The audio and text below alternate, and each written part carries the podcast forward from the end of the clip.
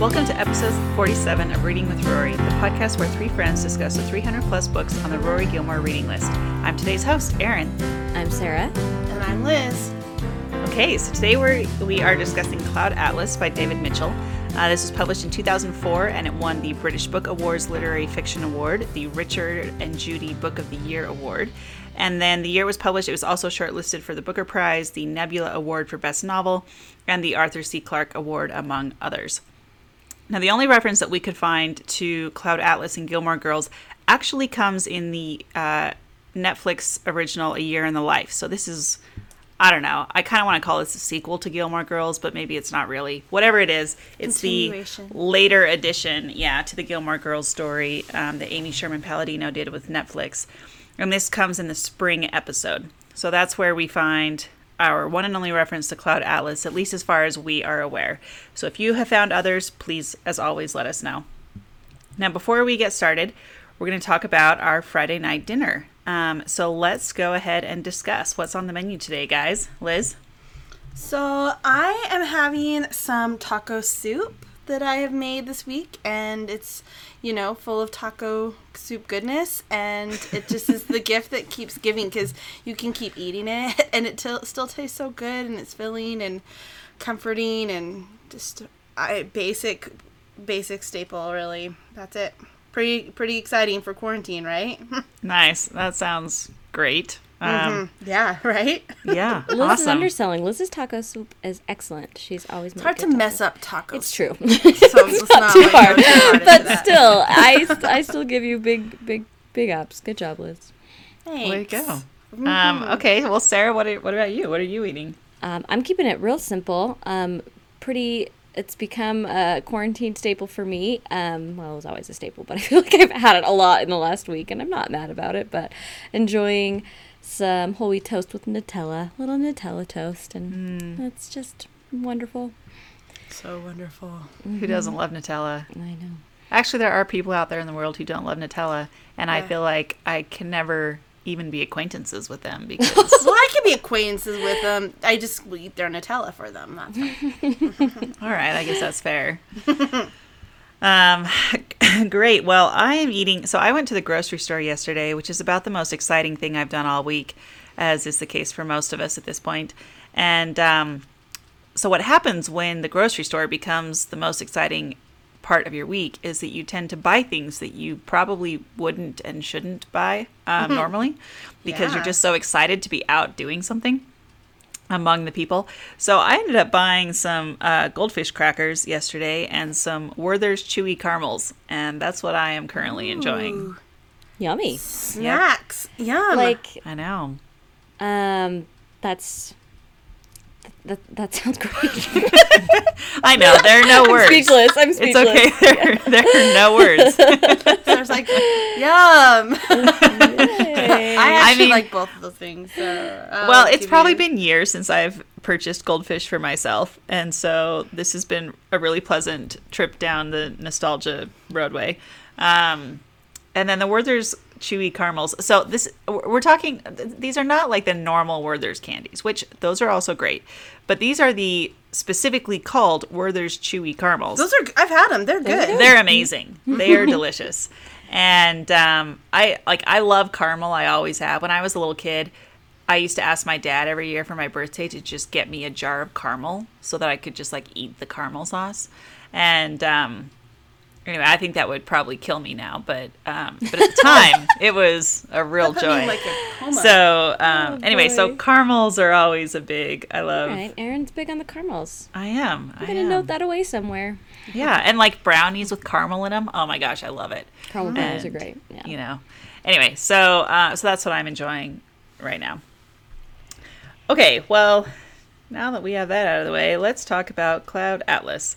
Um, now, one of the things we're going to discuss as we go through this is that this is a hard book to discuss unless you have read it, and then you, and even then, this will probably be an interesting conversation.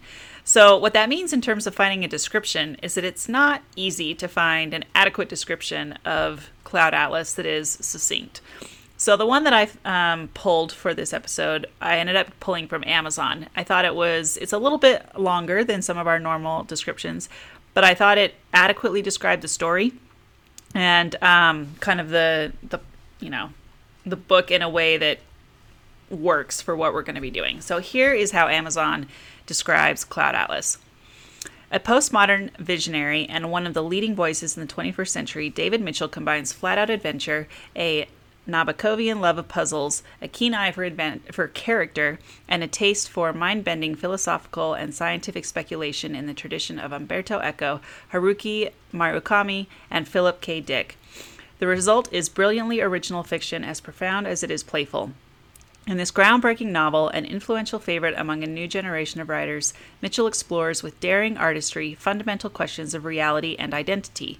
Cloud Atlas begins in 1850 with Adam Ewing, an American notary voyaging from the Chatham Isles to his home in California.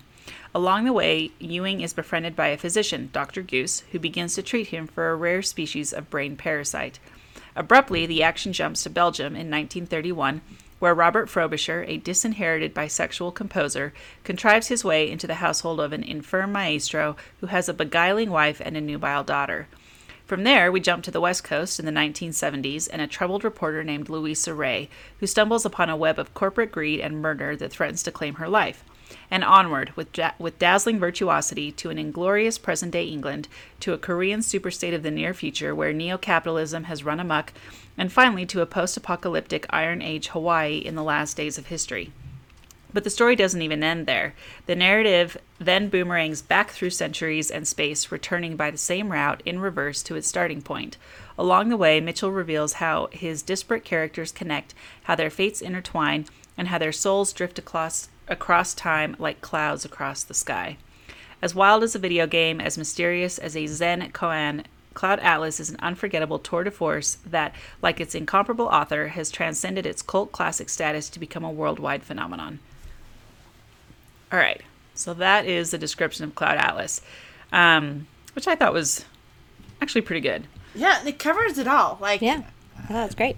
Yeah, hard. I mean, It's hard. yeah, like the essence here is that we're dealing with six completely different stories set in six completely different timelines really kind of six totally different genres but they they function as a ladder so you start with one story move to the next and you're moving forward through time to each story reaching the very end and then you come right back through time like they say you know boomerangs back and so you, go down the ladder in reverse on the other side and basically finish where you started.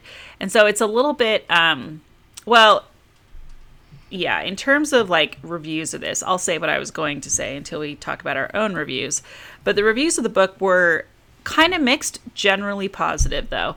Um so here's so here's how some of the reviews of the book have gone. Um, some call it sheer storytelling brilliance.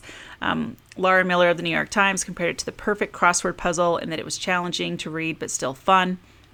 The Observer's Hephzibah Anderson called the novel exhilarating and commented positively on the link between all six stories.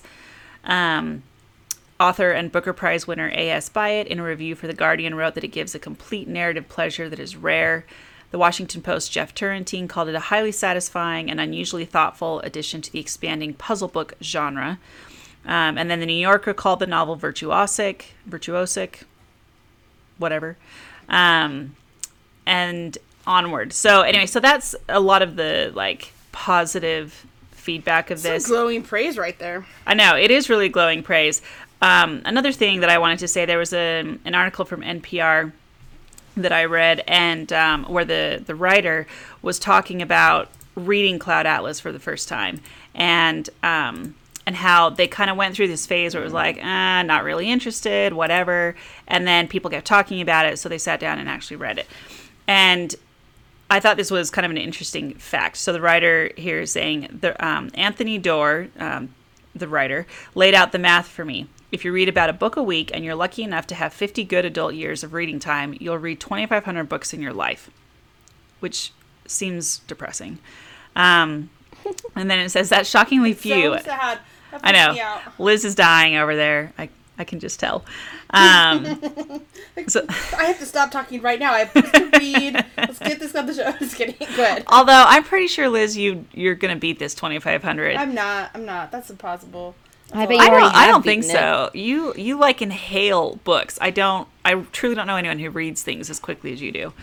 Um, Because there's so many books to read. I- Like, anyways, we won't get into it. anyway, um, Back to well, the review. yeah. So the, the author of this article brought this up because they said, um, you know, basically the point was there's so many books I know I want to read and only a few people I know I can trust. I don't have time to find out if the stranger at a party who's going on and on about some novel is wrong. And then later says, I can safely say that if Cloud Atlas isn't one of your 2,500, you're missing out. So I actually thought that was very high praise. That Mm-hmm. uh, if you're only going to read 2,500 books in your life, Cloud Atlas should Make be sure one this of them is one of them. Yeah. yeah that's that's pretty high praise um, in terms of the criticism of the book the general area where criticism seems to focus is just that it's kind of confusing or that it falls short of its goal so um, F and SF reviewer Robert KJ Killheffer praised Mitchell's talent and inventiveness and willingness to adopt any mode or voice that furthers his ends, but noted that for all its pleasures, Cloud Atlas falls short of revolutionary. Then the Daily Telegraph gave the novel a mixed review, focusing on its clashing themes, with Theo Tait noting, in short, Cloud Atlas spends half its time wanting to be The Simpsons and the other half the Bible, which I thought was kind of funny. and a little whiplashy, if that's. I mean, it, it, it is, but I'm just saying that's like a whiplash of um, like responses, you know, yeah, yeah, it totally is. Um, and comparisons, like Bible, Simpsons. Okay, which one? right. Yeah. Um, but I mean, at the end of the day, like you know, the Guardian put this ranked this book ninth on their list of the 100 best books of the 21st century. And it, again, like it seems like the reviews are mostly positive, with a little bit of, "Ooh, you really went for something." You know, was this a swing and a miss, or was this a swing and a mostly get, or was this a swing and a knock it out of the park? And people are kind of varied on that. So, all right, now, um, without further ado, let's talk about what we thought of the book. I'd like to hear what you guys thought. Um, Sarah, how about you? Yeah, I really liked it a lot. I think that it's it was a swing and for me, I have a lot of admiration for a big swing and and it just I have a lot of affection for something this ambitious and I feel like it was mostly successful for me. I thought that it executed its themes just so beautifully and brought them out in in almost like music, right? Like there's music is kind of a big motif in in in the book and I feel like almost like every story was like a different movement of on a theme, you know what I mean, and brought it out in different ways in really beautiful ways and this idea of self-determination and freedom and and reincarnation and um you know just trying again and making the same mistakes. It was it was big. It was epic. And i you know i appreciate you know that comparison where sometimes it wants to be the bible sometimes it wants to be the simpsons. I like the bible and i like the simpsons. So i was so I- was happy. I thought it was um, a good satisfying read. I i would give it a, probably a 4 or 4.5 i really enjoyed it a lot. Okay, that's pretty good. Um, Liz, what about you? Um, I also really liked it. This has been a book that I have known about and wanted to read, but maybe it seemed a little um, big, right? Or A little just, like, lofty. lofty, or yeah, exactly. Like it was, it was kind of like what the what the reviewers were saying is like, oh, I don't know if I'm into this yet, right? Like I didn't know what I was really getting into. I mean, I knew that the whole thing like shifted around, and I knew about that, but I just never really it just I don't know why I hadn't been in the mood or whatever. So I love that this is forcing us to read books that we have to just pick up and do. And so when I the first I started reading it and I just kept going and I love how I have to piece it together and decide how all the different stories are connected because each of the different stories does have a connection to each other and so to me that's just such a fun clue someone called like a mystery novel or like a gu- puzzle novel or a puzzle book or however they said it. It is i love doing that. I love seeing how each different story and each different genre because it does kind of cover a gamut of genres here. We have mystery dystopian historical fiction and we've got a whole bunch of things that he's really doing. So that's the, hence the ambitious thing thing going there. Um, so I liked it. I really liked it. I thought I kept wanting to keep reading it. I was into it the whole time, and I thought he did a beautiful job. Um, there were lots of big words, lots of creative plays with language. There were Like, so many big words. I had I read Yeah. the I read the Kindle version. I had to look up a lot of words. and it wasn't just like big words for big words sake it was to fit that character like Yeah. it was the character would talk like that or i mean it was such it was like part of his characterization or part of the um the time period or whatever it was trying to show it made a stark difference to like when you're reading the luisa rey part that part's a lot easier to read right like mm-hmm. there's no like you could sail through that that was not like you didn't have to like try and think about it but i mean i just love i I loved it. There's a part in there at the very beginning when Patrick Ewing is talking to someone, and they were talking. If you read a book for escape, Not Patrick Ewing, Adam Ewing. yeah, sorry, Adam Ewing. you struggle. I, Patrick Ewing, you know, as he does. Adam Ewing. Sorry, I didn't have the name. Ewing, like a basketball player. I don't. Yeah, know. this happens to me. I'm bad with names. I think that's probably readily apparent to everyone here. Anyway, so Adam talks about how books are an escape, and I like it because this book is an escape, but it's also not. It gives you. It says that in the in the passage it talks about how you should have things scratch on you, and you should not necessarily like just disappear into it, but things should kind of irritate you a little bit. And there were some things in here to kind of be like, ooh, that's you know something to grapple with or something to think about. And so it had It's a good challenging read, right? You like a mm-hmm. challenge. There's something really but satisfying not there. challenging in the way that like like there are some books that we've read where it's like it is a challenge to read the book Mm-hmm. and this was a challenge that was an enjoyable challenge you know it was it Yeah. was Yeah. like tickling your brain you know the brain the puzzle book right like Yeah. you're you're getting you're working your brain but you're enjoying it at the Mm-hmm. same time and I felt proud of myself for finishing it and accomplishing it, like because it's one that I've been meaning to read, and it's also you know ambitious. So when you finish reading a book like this, I don't know, I feel like a sense of accomplishment, right? Like oh yeah, that was I got a lot out of that, and um, I felt I felt like I was glad I spent that time with it. So four point five, Cloud Atlas. Well done. Nice. Um, well, I'm also going to give it a 4.5. We can't call this a complete 4.5 run though because Sarah was in between. That was so wishy washy. Yeah. yeah, yeah, but that's okay. We're we're close enough. Um, yeah, for all the same reasons that you guys just mentioned, because I thought it was challenging, but also really entertaining and fun. Um, I thought it was um, just the the different storylines were interesting to me. Some of them took a little while to get into. The Adam Ewing story took a little while. Patrick, I, I'm just kidding. don't do that. I will. I will have know, a hard I'm so time.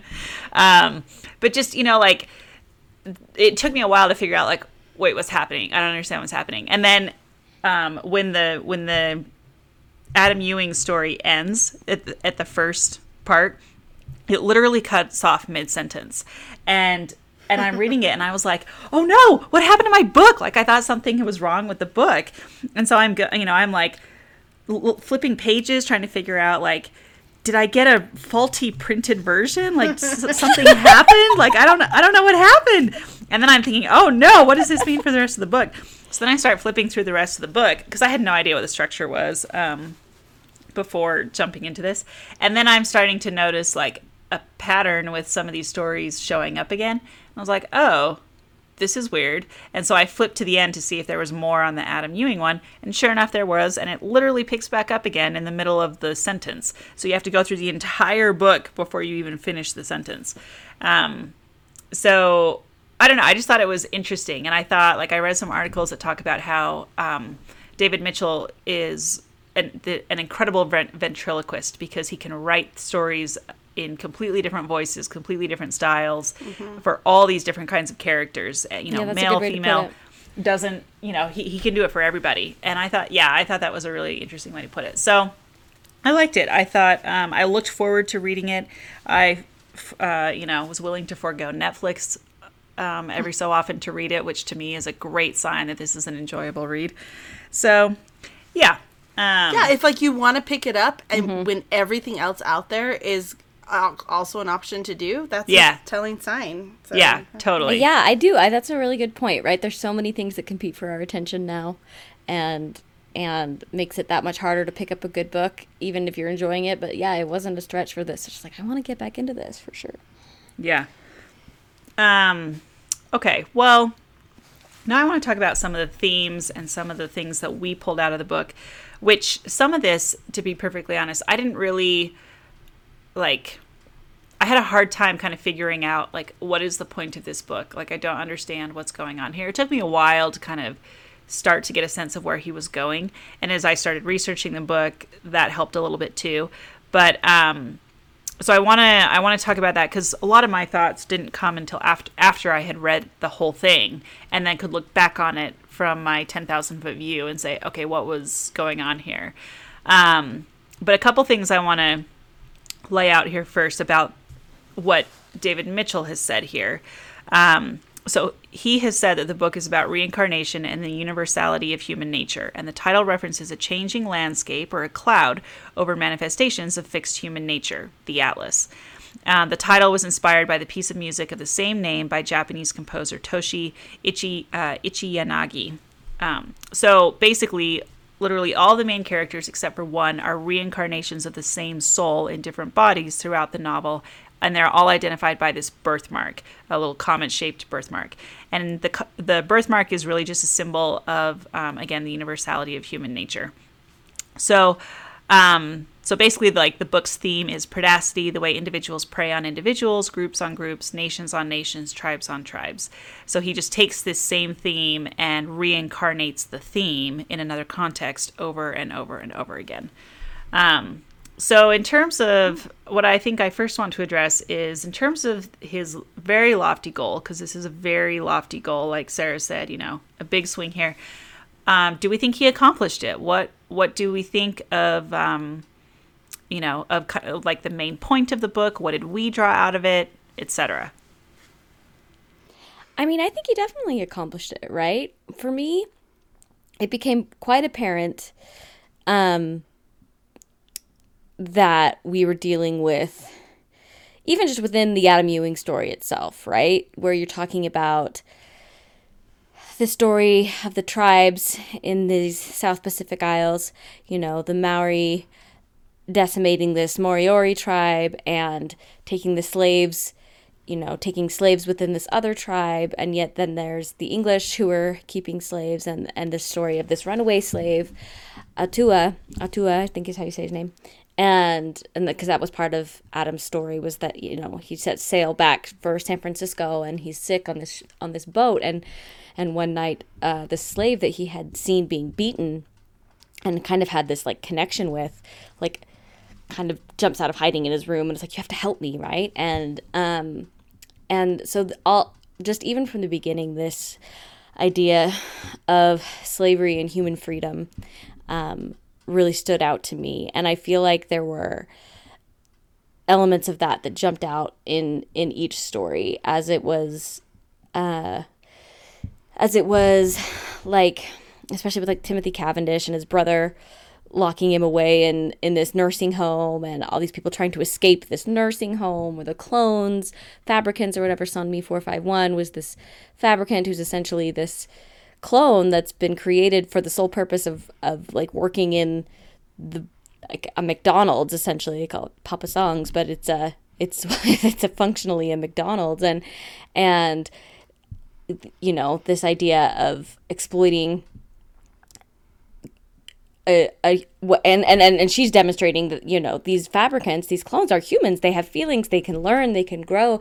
And and the society that's exploiting their labor doesn't see them as human. And and um, just again that idea of, of people preying on people. And i feel like that was very evident throughout um, and and really manifested itself in such interesting different ways beautiful ways that really popped out to me and and and made me think about that a lot as i was and then looking for it as i was going through the rest of the book yeah, I think one of the big things I thought about a lot was this idea of um,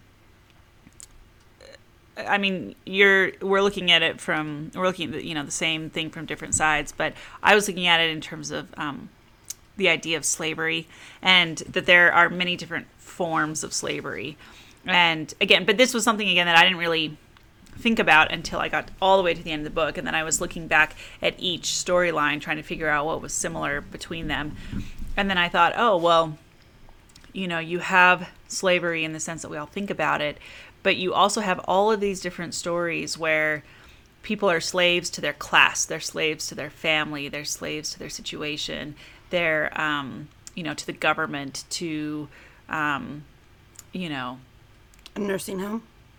Yeah, right, like, yeah, the nursing home. I mean, Again, yeah, just like Yeah, that in, you know? inhibition. He's not. They're not like forcing him to work in the nursing home, but No, he but he his, his liberty is being taken Yeah. away. Right? He's being he's his his his individual will and his his freedom and determination have been taken away from him, and someone someone in power is preying on someone with less power, and I think um, I think that is pretty even like like I feel like they would use the word slave. He would use the word slavery creatively throughout. Like there would be a reference to it, and it really just stood out to me. Like he's just trying to illustrate, like you said, the different ways. Uh, you know, we we prey on each other, we enslave each other. What about you, Liz? Well, I'm going back to this idea because, yeah, I mean, the whole slavery thing popped out to me like from the very beginning. Um, Ewing talks about how like what this is crazy. What what you guys are doing to these people is horrible. This colonization, and and then the same person turns around and is like, but you guys do the same. Is it what better? To, are you guys any better when you have what you've been doing to the Native Americans or like how? I mean, he You make these it around. treaties and you renege. Like, wouldn't it just be better to put them out of their misery? Yeah, yeah he's a- like oh isn't are we doing anything worse than that and i was like oh man this is gonna like really make you kind of think about things. So that was from the beginning. But like i was really drawn into the idea like you said in the review or what he said his themes were about how this idea gets reincarnated. And so like from this idea way back in the 1850s all the way up until like the 2300s which is where the book kind of takes us to well, right? and not really. That's where. Yeah, yeah.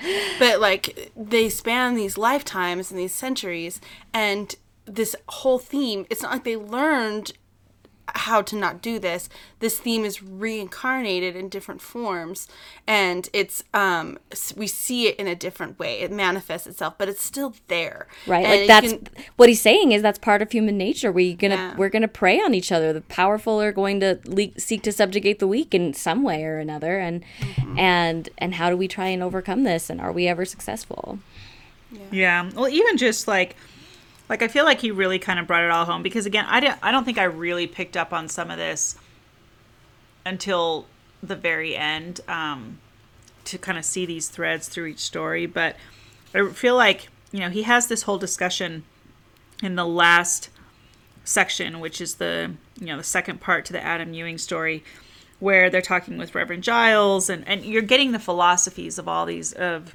all these different people, right? And they're and um, they're talking about like the indigenous people who are working there and how they have these like guards of Christ or or whatever who help enforce the laws. And you know Adam Ewing asks if the Indians worked of their own free will. And Mrs. Horrox says of course if they succumb to sloth they know the guards of Christ will punish them for it. And it you know just like anyway it's just it's an interesting way of forcing you to look at what it means to i guess like take someone's freedom away. And yeah that it can be done in many many different ways. And that it's all about uh, well I, I don't know. I mean it just I, I don't know Well, and you can see in some of those characters how they thirst for freedom or how they desire freedom and like what they're willing to do to get that freedom in a lot of the cases, right? Like, I mean, the things that some of the characters were having to do were made the story interesting or freedom from like being, you know, pursued or freedom from being, um, persecuted whatever it is their freedom from is is for finding freedom that was clearly their goal, the intent of some of these characters. And it's interesting to see how, like, the different characters that had the comet birthmark, right? So, is the idea that each of those is kind of a reincarnation of each other, of that person? Is that kind of the idea? well i mean i think that's a so little too literal to me yeah and i Yeah. think when we get to the movie i think we're gonna have this discussion again when we get to mm-hmm. the movie like because I didn't think of it that way. I didn't think, oh, now this is the same person. But I did think that like um, that each character in their own way was kind of learning the same lessons that someone in a previous section had learned. And so whether the, whether or not they were um, trying to like they did sort of connect together, right? So in like Luisa Rey's section, she's reading the letters that Robert was writing to Sixsmith um, in the section before, and and and Robert was reading the diary that Adam wrote in the section before. So it's almost like they were learning those lessons so like i'm putting lessons in air quotes and you guys totally can't see because this is a podcast but they're learning these lessons through what they're writing and not through necessarily a form of like being that person again right like i don't think but Like they're learning from their stories. Their, Mm-hmm. their Although, past- but at the same time, though, they're also kind of relearning the stories. Like I think there's Mm-hmm. an interesting idea here of, and especially when you get when you go all the way from the. I think it's interesting that he starts with the Adam Ewing story, where we're talking like 19th century, um, you know, kind of exactly what you'd think it would be, and you go through all of civilization, and then you end up almost exactly where you started when you get to the Zachary story in the postmodern, you know, post-apocalyptic world where you've like devolved backwards into this realm of tribalism and um you know tribal um warfare. like subjugation and warfare yeah and so i think it's so i think it's interesting like this idea so I, I heard this quote once and i don't know who said it i don't so i can't give credit where credit is due but if you're listening and you came up with this here's to you um Thanks. but the idea sarah came up with it right. The idea was that um, you know that that people don't have ideas, ideas have people, and that ideas move through people like water. And and I I just love that because uh, like I think it's a fascinating thing to think about that you think about kind of this like stream of an idea flowing through time and people come in and out of it, right? And i love that I yeah, and when they hit it, you know, they like you hit something, you think about it for a while, then you move on and you go do something else, and you come back, and you just kind of like these paths, you know, people's lives and ideas just like cross paths over time, and I think that.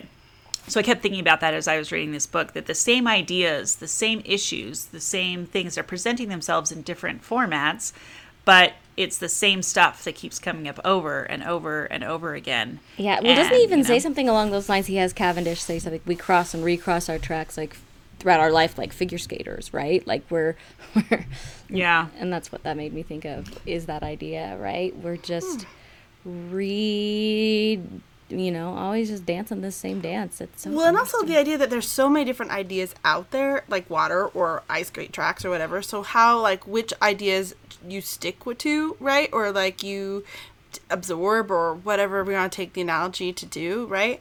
But how each of these characters were drawn to like those letters. Like, why would Luisa care about these letters, or why would like that these people are drawn to the ideas from someone else for uh, some reason, right? So like, are we destined to be like fa- finding the ideas that we want, like that we that are are interesting to us that maybe are not interesting to other other people? Like, I don't know. My mind might be blowing up right now. Well, I don't know. It's an interesting because, like during the Luisa Rey story, for example, I kept thinking, I don't understand why she's so fascinated by these letters. Like, I can understand why Robert Frobisher would be interested in the Journal of Adam Ewing because it's an interesting story. He's stuck there, doesn't have a whole lot to do, and he's reading all the books on the shelves. Okay, I can see how you'd get that one. But Luisa Rey, like, coming by these letters because um, Sixsmith gives them to her, and then she just becomes like fascinated by them, and they become this like, you know, I don't know, this like very important detail when they really have absolutely nothing to do with what she's otherwise investigating. or even finding the music, the score for Right. Cloud Atlas, right? Like she doesn't need to find that. That's not gonna Yeah, like what does that have to do with anything? solve the case. Yeah, it doesn't really have anything to do with anything. And, you know, and kind of a similar thing like in the Sonmi 451, when she's watching the the like terribly made video of the ghastly ordeal of Timothy Cavendish and mm-hmm. You're like I don't understand why she's so obsessed with this movie. I mean, maybe it's because it's the first one that she's ever seen. And so that would be you know, pretty spectacular in and of itself.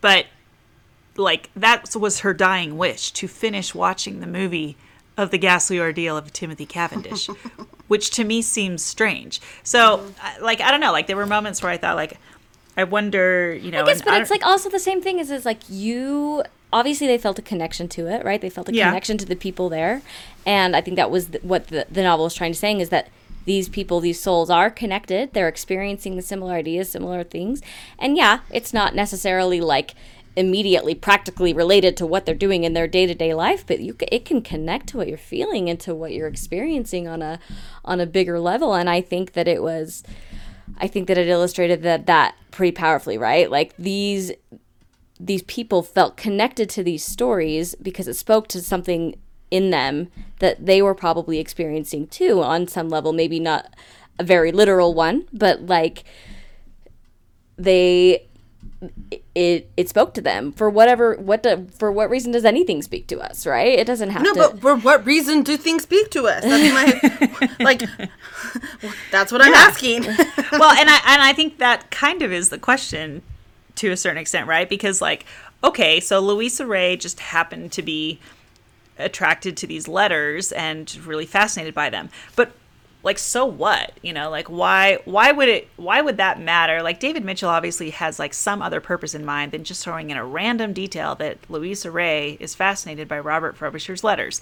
Like there has to be more I don't know, maybe maybe I feel like it's because she feels like she feels it, connected to Frobisher in some way, right? Like she feels some, and maybe we can explore that more. Maybe that is something that could stand out to you more on a reread. I hadn't even thought about that, right? Like I just I thought it was a clever way of like really connecting these lives and these stories and and bringing out similarities in them, but like that and and wasn't it like it was Sixsmith that pointed out that she had the same birthmark as Frobisher? Like there, and that was the first time you really noticed that that was a continuing, a continuing thing, and um, and so there's obviously some spiritual connection there based on what they're experiencing, and maybe is it completely in is it in their circumstances? Is is it in their emotions? I mean, she's a woman in the 70s who's been you know like the, in her like in her her circumstances in her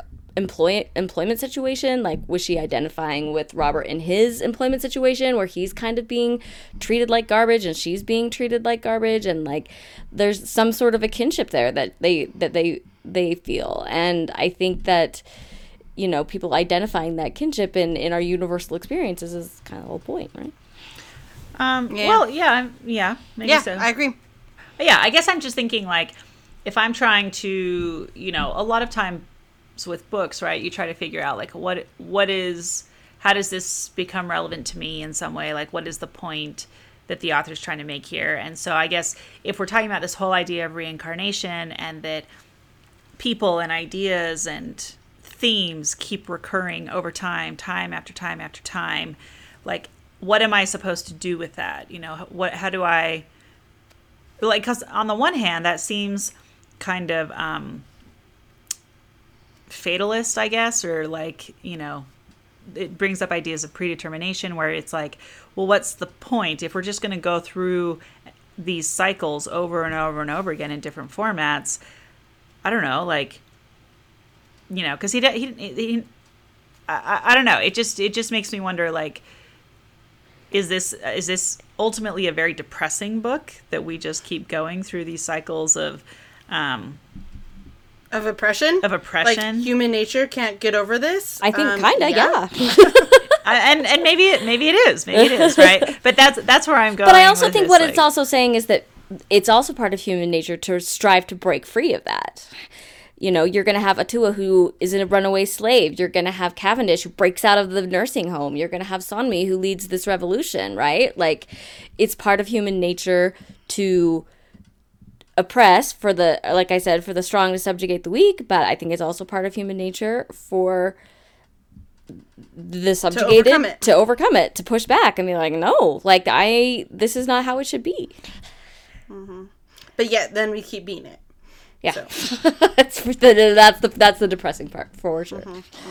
Well, and to me, that stands out in that, like, it, it, it's not like this is an isolated incident to this time period. It's an isol- or to this country. Like, it spanned the world, right? Like, every it had cultures, like many different cultures that were kind of highlighted and shown, and it wasn't just in like one place. It was global, universal, um, uh, through universe. Like, didn't one of them leave the planet? Yeah, the the Zachary at the end they left. So, like, I it just it, it just shows like not a fatalistic. But I also wouldn't wanna thought it say was really- fatalistic, but I think it's kind of like a I thought it, it illustrated it really well on like a macro level as well as a micro level, right? Like you have the examples of like institutional slavery, like with Sonmi or Adam Ewing, but you also have these individual instances like Robert Frobisher and his employment situation with with um, Vyvyan Ayrs? Was that his last name, um, the composer, or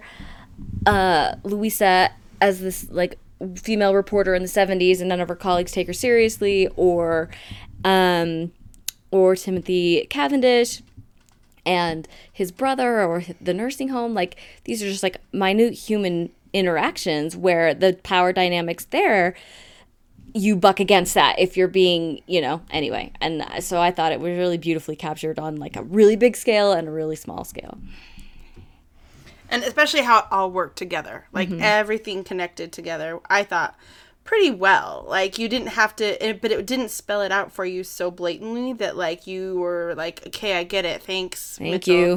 Right? Exactly. Like you had to. You don't do want some- to spell it out. You had to do some mental gymnastics a little bit to kind of not really contort a theme or to contort a message, but to like figure out how it's all kind of working together. yeah. Which is why we feel like, yeah, I read this book and it like made me think, right? Totally. I thought that he found the balance really well, where to me it did stand out. Again, I noticed repeated mentions of like a cannibal or a slave or um or a whole new life starting a whole new life like he would he would kind of almost kind of like a little grace note right just that idea uh, going back to that idea of music right? And like each one's a different theme and it's gonna play on it a little differently but it's the same sing you're singing the same song.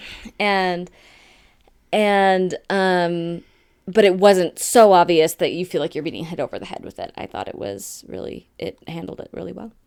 Um, okay, so I guess just a fun question. Did you guys have a favorite storyline or a favorite character? Ooh, I'm glad you And conversely, a least favorite? yeah. Oh yeah. I definitely did. Did you guys Oh, yeah, of course. Go ahead, Sarah. i feel like my favorite i really liked i really liked the timothy cavendish. It was like a tie between timothy cavendish and luisa rey i really enjoyed reading those a lot. Um the timothy cavendish just kept making me laugh. Like it was so funny. Um and dark so dark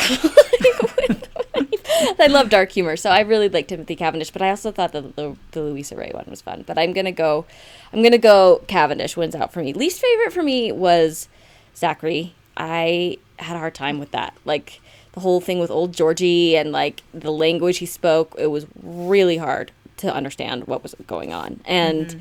Um, eventually you kind of get into the rhythm, kind of like almost with Cloud, uh, not Cloud, uh, Clockwork Orange, right? Where you're like, what in the hell are they saying? I, I uh, the dialect that Zachary speaks in this, you know, future futuristic Hawaii that they're like sheep herders and warring with this other tribe, like you you could.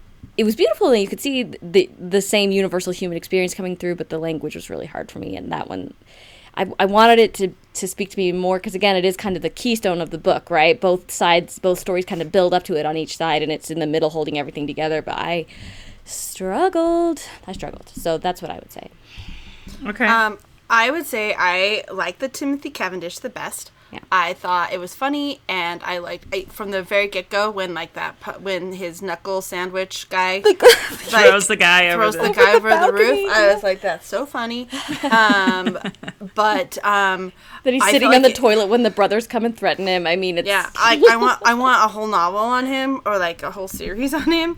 And then um my least favorite was definitely Zachary. I felt like it was necessary to the novel, but it was a lot of work and it was I would never just read a whole book of that No in way. a million years. So Yeah. that's Yeah. that's where I stand. Yeah.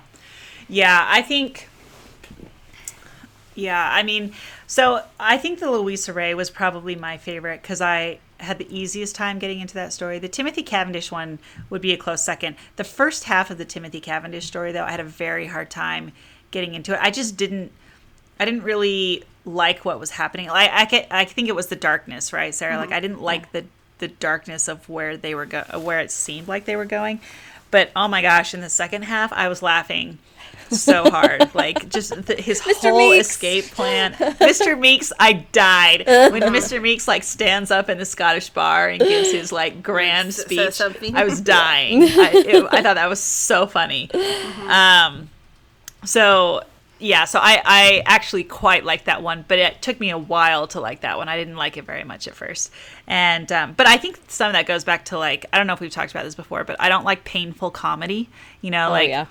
I don't like. What about Bob? Can't do it. I don't like that movie at all. That makes me so sad for you, but okay.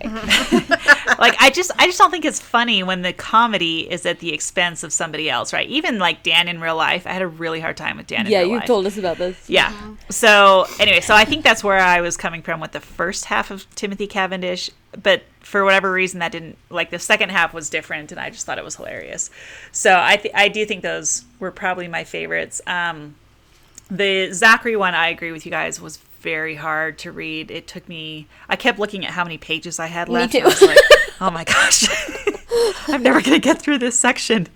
Um, so yeah, that one I had a that one I had a hard time with. I also had a hard time with the end of the uh, the second half of the Son Sonmi four five one story, just because of the way it ended. I don't know. I I was very frustrated by the ending of the Sonmi four five one story. Um, but anyway, so there you Yeah, go. they were fun. And, and I I was curious about that too. I'm wondering like what which ones speak to different people, but it seems like we like the same ones. I know. I mean, And dislike I the also same really one. liked the ideas of um, just like what the what what this oil company wanted to like hide these secrets. Like that was just kind of cool too. In well, it's your And not classic even that, like but that John they were Grisham trying to, thriller. like- yeah. Yeah, um, I mean, or they're not that trying to they- hide the secrets. They want the secrets. They stay wanted there to so be, they, you know, Mhm. they wanted there to be an accident so that people would return back to oil. That's what I thought was really interesting. Anyway, Yeah, I was like, Ooh, all right, okay. Yeah.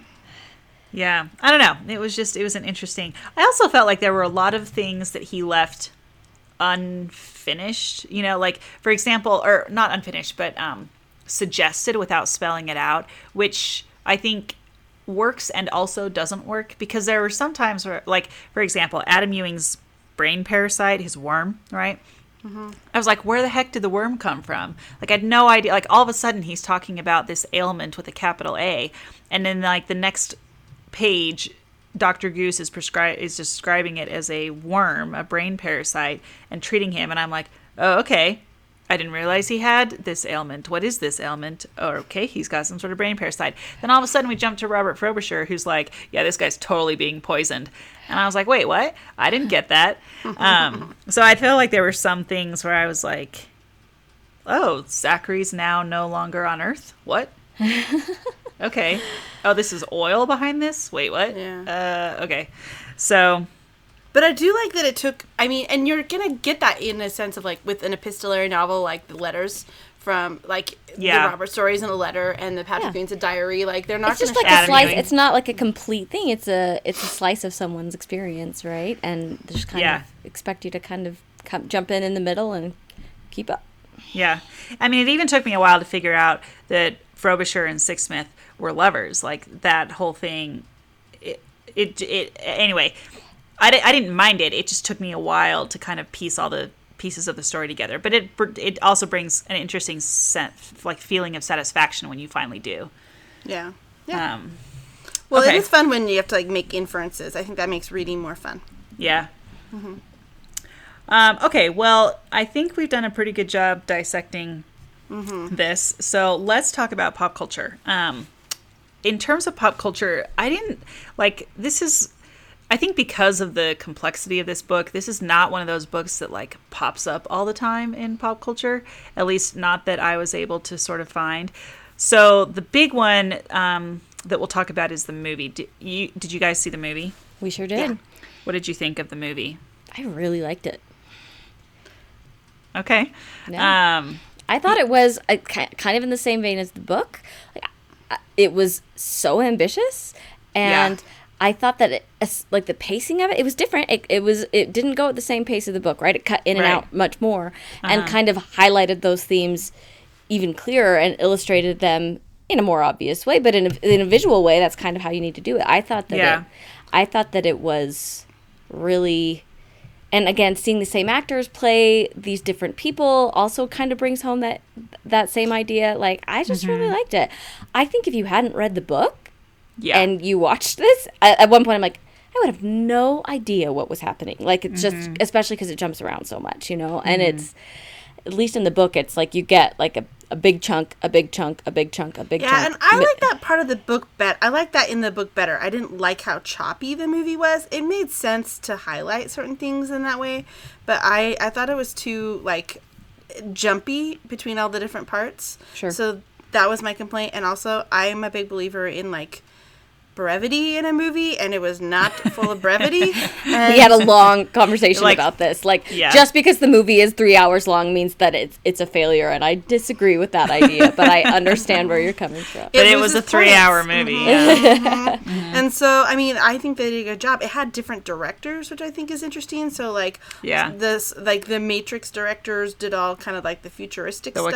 Wachowskis. Yeah. Yeah, and so um, I think you know they could they got to do a lot of cool things with makeup and with settings and with all sorts of stuff. And the And actors again, just kind probably of- were like, "You want me to do what? Okay." and I know sure." it, when it was when it came out, it, it was poorly received because there's like white American guys playing Asian guys, and you're like, uh, Yeah. you know, and I and I get that, I do, but I also think that's that's not like whitewashing like it is in other cases. It's literally speaking to the themes of this book, which is just like.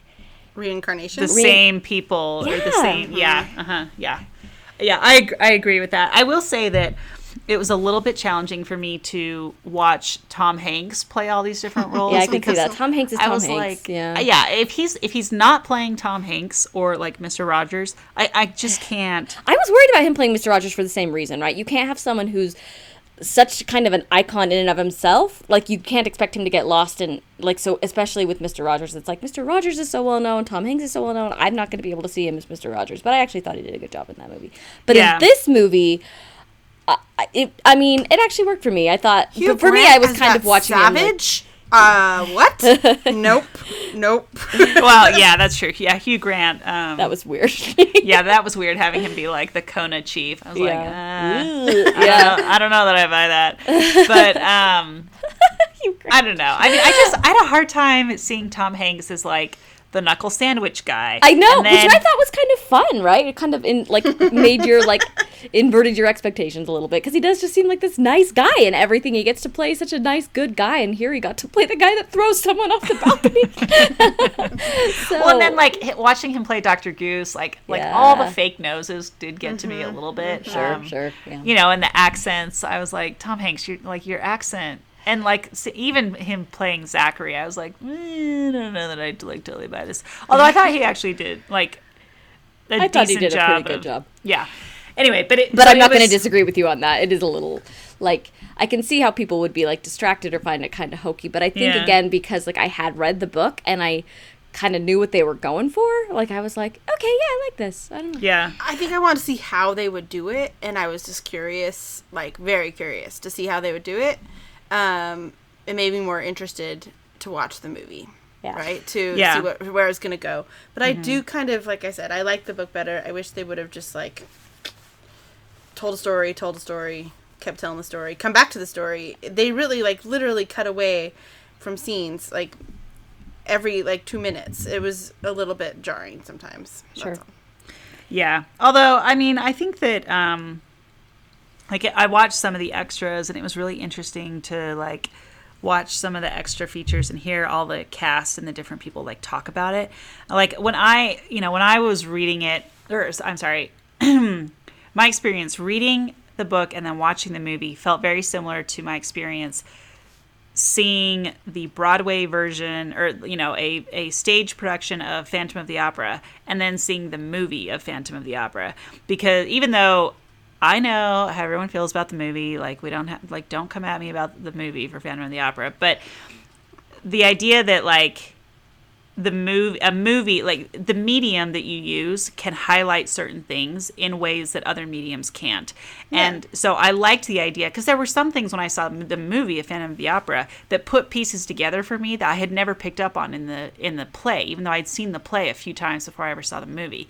And i felt like it was kind of a similar thing here like no they don't stick quite with the same format but i actually kind of liked they had all the storylines kind of progressing simultaneously and moving through their timelines together because then I was able to pick out some of the themes a little bit better and be like, oh, okay, like here, like this is about to happen, this is about to happen. Oh, all right, like they're kind of all experiencing. It brought out some of those elements for me in a way that. Uh, that I what that I wasn't picking up on in the book. But again, if I hadn't read the book before I saw the movie, I don't think I would have gotten any of that. It would have been hard. Did you Would've read the Ro- the Roger Ebert review of the film? Um, no, I did not, but I know you did. Yes, it. I sent it to you guys. You were supposed I to know. read it. I read I it. forgot. I read it. I forgot, that's I'm Okay, sorry. Tell us what it said. um, all right. Well, I'll just be mad at Erin. It's fine. Um, no, I really. This is what he said by it, and it was probably one of the last reviews. I. He's like this eminent film critic, right? And and this huge body of work, and is this really respected writer and film critic. And he died in 2013. So this is one of towards the very end of his life and career, and he loved this movie. He gave it four stars. And he said, I was never ever bored by Cloud Atlas. On my second viewing, I gave up any attempt to work out the logical connections between the segments, stories, and characters. What was important was that I set my mind free to play. Clouds do not really look like camels or sailing ships or castles in the sky. They are simply a natural process at work. So, too, perhaps, are our lives. Because we have minds and clouds do not, we desire freedom. That is the shape the characters in Cloud Atlas take and how they attempt to direct our thoughts. Any concrete, factual attempt to nail the film down to cold fact to tell you what it, quote, means is as pointless as trying to build a clockwork orange. Which I thought. Oh my goodness. That's a good. Re- that's a good review. He's a good writer. He's a great writer. Yeah. Um, well, the other thing with pop culture that I did want to bring up is that um, is that well, actually, before we move on from the movie, I just wanted. I was reading an article about something that uh, the Wachowskis had said. Um, so it talks about how like one of their few explicit statements regarding their intellectual vision for Cloud Atlas um, is in the YouTube trailer, and they talk about themes of connectedness and karma while admitting that the movie is hard to sell because it is hard to describe. But their decision to have the same actors play characters in different storylines and to shuttle among all the plots at once is telling.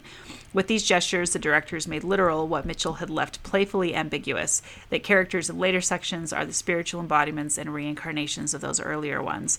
Um, and then there was they were there were also talks or discussions about how like characters like if you look at the movie for example that and you trace the actors ca- various characters if you assume that that's the reincarnation line for each character that it's it's an interesting way of looking at it right? So you look at the tom hanks character so you have henry goose and you look at the evolution from henry goose all the way to zachary and the evolution of the different people who factor into each one of those storylines. It's just it's just kind of an interesting way of looking at the idea of reincarnation. Anyway so i just wanted to throw that out there as another another thing to consider. Um Again, mind blown. Reincarnation, kind of like. yeah. And you know like the like the the selfishness and greed of henry goose still kind of is there with zachary but in a different way right? Like it's a, it's a different thing. Um, he becomes henry goose is the villain. Zachary becomes more the um, the hero but they still have some of these same Yeah, they characteristics grow, yeah but they take some of them. Yeah, I Yeah. It's cool. Yeah, It did. They, it did highlight that theme a lot more in the movie for sure. Yeah. Um, okay, so the other thing I wanted to bring up was um, that, as with many of the books that we read, there are many references in this book to other books. And so, just in terms of pop culture and kind of what we're trying to do with our own, um, you know, podcast here and showing how much these become part of our lives, I just wanted to highlight some of these. so in the letters from Zedelghem, so this is the Robert Frobisher section. There's um, one letter where he's talking about. Um, he says he says, I swear, Sixsmith, that warty old Shylock looks more repulsive every time I clap eyes on him. Has he got a magical portrait of himself stashed in his attic, getting more beautiful by the year? and so, I mean, it just like very subtle references, right? But this one's referring to um, the portrait of. Uh, Dorian Dor- Gray. Dorian Gray, yeah, which is way down on our list, but still very subtle reference. But if you know it, then you pick up on it. Um, there are references in here to Cinderella. We've got a, mus- a movable feast. We've got the decline, the fall, and the decline and fall of the Roman Empire. Is that on our list? It sure is. Oh, great. Because I noticed that when I was reading. I'm like, I think that's on the list. I do not want to read that book. That's Yes, like it a, is. It's gonna It's start like a reading 10 it now. volume. I know. yeah. we'll see how we'll get creative Um, when we get to that one. Yep. So then we've got Alice in Wonderland, and anyway, on and on it goes. But it's just it's just interesting how like the more you read some of these stories, the more you see how they pop up in various places. You know, Siddhartha, all this kind of stuff. It pops up all over the place, and so it just really adds to the richness of the story when you when you know those references and art can get what they're trying to say. So anyway. Um, all right. So, and, and then one other pop culture thing. Um, for those of you who are watching Hulu, we have the show Mrs. America, which has come out recently, which throws uh, ties back to our backlash days and our discussion of feminist literature. So, yeah. anyway. The other one I was watching this uh, that you should totally watch that. The other So one good. I was you're gonna be like, oh, all my backlash knowledge is coming in because you know the whole Betty Friedan and Mm-hmm. um, Gloria Steinem, you know, interesting things pop Interesting up there. dynamic and with them. Phyllis Phyllis Schlafly. yeah. like it's Yep. all in backlash. Um, I was gonna say the other one I noticed um, as I've been watching, you know, quarantine TV. Um, I was re- I was watching Derry Girls, and they did their Oh. whole finale with a whole Carrie thing, and I mean they were like they're gonna do a Carrie, and they dumped pig's blood on someone at a prom, or paint really, but they did a full Carrie, and I was like, oh, that's funny. yeah. So anyway, there you go. Um, and as always, if you, our listeners, have pop culture references to any of the books on our list, past, present, or future, please don't hesitate to share them with us, and we're, we would be happy to share them on future episodes. All right, so the last thing that we're going to talk about um, for one of our favorite segments what are we inspired to do now that we have finished Cloud Atlas? Sarah, go ahead. All right, so I've got a couple, and this one, um, you know, I'm going serious, so bear with me.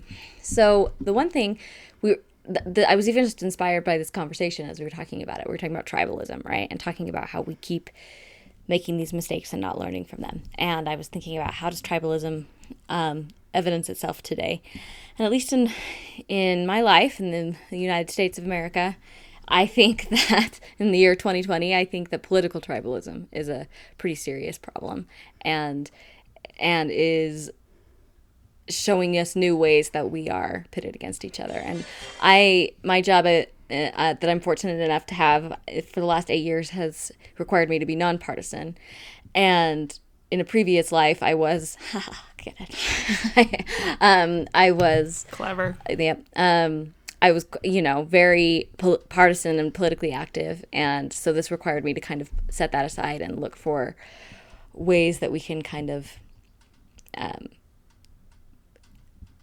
not look for what things that divide us, but things that bring us together. And so I think that's something that I, you know, as far as like how do we, you know, re- keep from repeating those mistakes? Yeah, we're not scary Hugh Grant in Kona tribe makeup killing each other, but I think that there's political tribalism that's very dangerous, and I want to continue to do what I can to um, work against that and not feed into that rhetoric or that national conversation whatsoever. So, um, political tribalism, bad. Not going to do it. The other thing that I was inspired by was so within the last week, during this quarantine thing, there's been um, uh, a fun little lark that's internet lark that's uh john krasinski's some good news right and every week he highlights all these good things that are happening and brings on famous people inspiring people real people and you know just kind of highlights some goodness in the world and this last week they were talking about uh, they kind of staged like a a commencement a little bit um, since people are missing their graduations and and he brought on one of his guests was Jon Stewart and had a graduate who had a question for Jon Stewart and the graduate's question was you know now what? Like what's my what is my life now? And Stewart was you know like well that's the question right? And and it really stuck with me. He talked about like you're the captain of your ship. And I think about like as we have our our whole lives ahead of us like I immediately thought of this book, right? Like what it means to be the captain captain of my ship and that I have my own free will and how do I want to how do I want to exercise it? And and the real like beauty and like profound like wow, not everybody can say that and what a gift it is to be the captain of my own ship. And so I am inspired to captain my ship in some interesting ways and and and uh I don't know. I'm just feeling really grateful, I guess. Maybe that's the that's what I'm inspired to do is feel grateful that I get to be the captain of my own ship and and makes me want to take it in some interesting places and do good things with that with that gift because as we see from this book and from looking at the world around us that's not always the case so I like it. Thank you. It's deep, Sarah. That's deep. Yeah, Good that's job. very deep. Mm-hmm. uh, what about you, Liz? It's not deep. hold on i know what Liz is gonna say and it's good it's not deep though. But um, you know, I, it's hard to like. We should have ended with Sarah. Sorry. But anyway, I mean, I don't know what Erin's going to say, but mine's not going to be inspiring in any way, unless, well, it could be actually. We'll see. Well, how you take it. um, so, So much suspense. just wait no, just so wait. much suspense. So I, I was, you know, watching the movie and looking at IMDb as you do when you watch a movie because you're like curious about stuff, right? So we have this lovely website that gives us information. And one of the things it said is on the soundtrack there was a song called "Looking for Freedom" by David by David Hasselhoff. And I was like, Oh, stop. okay. And so then I did a little deep dive into the song "Looking for Freedom" by David Hasselhoff. I'm like, was that written for the movie? And it said it was written by Jack White, and I'm like, Jack White. She looked at me like, Sarah, did you know Jack Wright White wrote a, a song for this movie that David Hasselhoff sang? I'm like, that can't be right. so then I did a little dive, and it's not the same Jack White from White Stripes. It's Jack White, a German songwriter, and David Hasselhoff wrote it in. Well, no, he didn't write it. He sang it and performed it in the '80s, and it was a huge hit in Germany. David And- Hasselhoff was a very big deal in Germany. Yeah. Little did I know, but this this song was he he was on okay during the fall of the Berlin Wall. He sang this song in like a cherry picker, like stu- uh, like to the crowd, like ode to At joy the, like at the. Brandenburg Gate kind of a thing. yeah, and he's singing it, and it's it's a very like inspiring song to people um, about freedom, and it just kind of sounds like this. Hold on. One morning in June, some 20 years ago, I was born a rich man's son. I mean, I can't. This is. But Jack when I first White. started listening to it, I'm like, Jack White did not write this. So it's a different Jack White. But then I was like really getting into like the lyric searches, and like I found out how he performed it at this um, at this site, and he's mad that David Hasselhoff is mad that he's not part of like the museum at the um, at, at the at the gate. Oh my gosh. And so, I mean, it's it's a it's a song. Anyway, apparently the song is used in the movie when um when Cavendish. Cavendish is in his van driving away. Like when they break through the gates. All right, that's what it inspired me to do is to go down that rabbit. hole. All right. Oh my gosh, that's amazing. Wow. See, not inspiring, but pretty amazing. We should have started with me because I'm not going to be as interesting as either of you. no, Um, mine's not interesting unless you are like confused by Jack White. no, yours is very interesting. Um, deep, maybe not, but interesting, yes. Um, so mine is just that the the idea of um, of these themes repeating over and over again.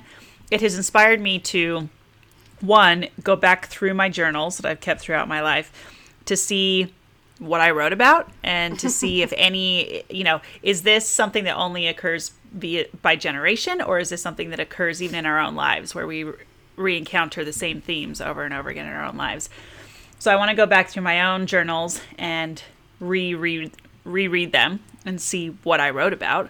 Because when do you ever go back over your journal? And then the second part is to do a better job of journaling going forward and to make it kind of a an ongoing process of consistent journaling with relatively consistent reflection back on the things I've written. Erin, we've heard this before. How have you been doing all this? Well, clearly it's come up again. So, you know, but I mean, but the idea, I guess the the new addition here is the going back and rereading the journals because I haven't talked about that before. I've talked about writing, Yeah. but I haven't talked about like going back and rereading them. At least not that I remember. I like So- that idea. Rereading your journals is fun, and we did that for Anne Frank. That was so fun. Yeah. Yeah, yeah. I mean, we read through stuff for Anne Frank, but like, but I mean, I have, you know, I, I'm not, I wouldn't call myself like any sort of like really consistent journaler, but, um, but I do have enough over the course of my life that I, you know, I could go back and read and read through them, and I think that would be interesting to see again if any similar themes keep showing up in my life to try I to like idea. break myself out of my own cycles. Yeah, like what am I repeating over and important. over Yeah. again? Yeah. Yeah, that's I love very- it. That's a great awesome. That is idea. deep. Yeah, Erin, Nope, that deep. is interesting and that is deep. Mm-hmm. Well, and I can't wait to hear it when it comes up again in a future. I, I know, guys. I'm a one man. I'm a one man band here. I just I'm a broken I record. mean, Sarah, Broken maybe record. some people haven't heard previous episodes and it's, It's true. new to them. It's so, true. like, yeah. Yeah, so don't knock it, it. Sarah. Oh. don't, don't knock my original thoughts on each new episode. Alrighty. Well, um, well, that's great. Now we all. Now we all have our marching orders there, except Liz has already accomplished hers, so that's great. Um, so I'll have to make it through the whole song all the way through. That'll be my marching order. yeah, Where she's playing Um, it for me, I'm like, Jack White? This can't that's be. amazing. That's so funny. Different Jack White. Also imdb has to be one of the best websites out there i like So i spend so much time probably the most used apps on my phone are google maps imdb and then maybe like facebook or, or instagram or something. Mm-hmm. so you know. Yep. priorities. Um, all right so what did what did you think of a cloud atlas? We always want to know what our listeners thought. Um, please start a conversation with us on twitter instagram and facebook at reading with rory or you can also find us on our website at readingwithrory.com and we want to give a thanks to all of those who have sent in comments and who have um, communicated with us. We really love it and we love to hear from you you can also follow us on Spotify for playlists inspired by the books we read, including the David Hasselhoff gem that Liz just talked about. um, so, and also, please don't forget to leave us a review. We love to hear how we're doing, and it helps new listeners to find us. So, if you have time, please go and leave us a review wherever you listen to podcasts. Uh, next time on Reading with Rory, we're going to be discussing The Code of the Woosters by P.G. Wodehouse. So, we hope that you will join us for that. Thank you very much for listening and reading along with us, and we'll catch you next time.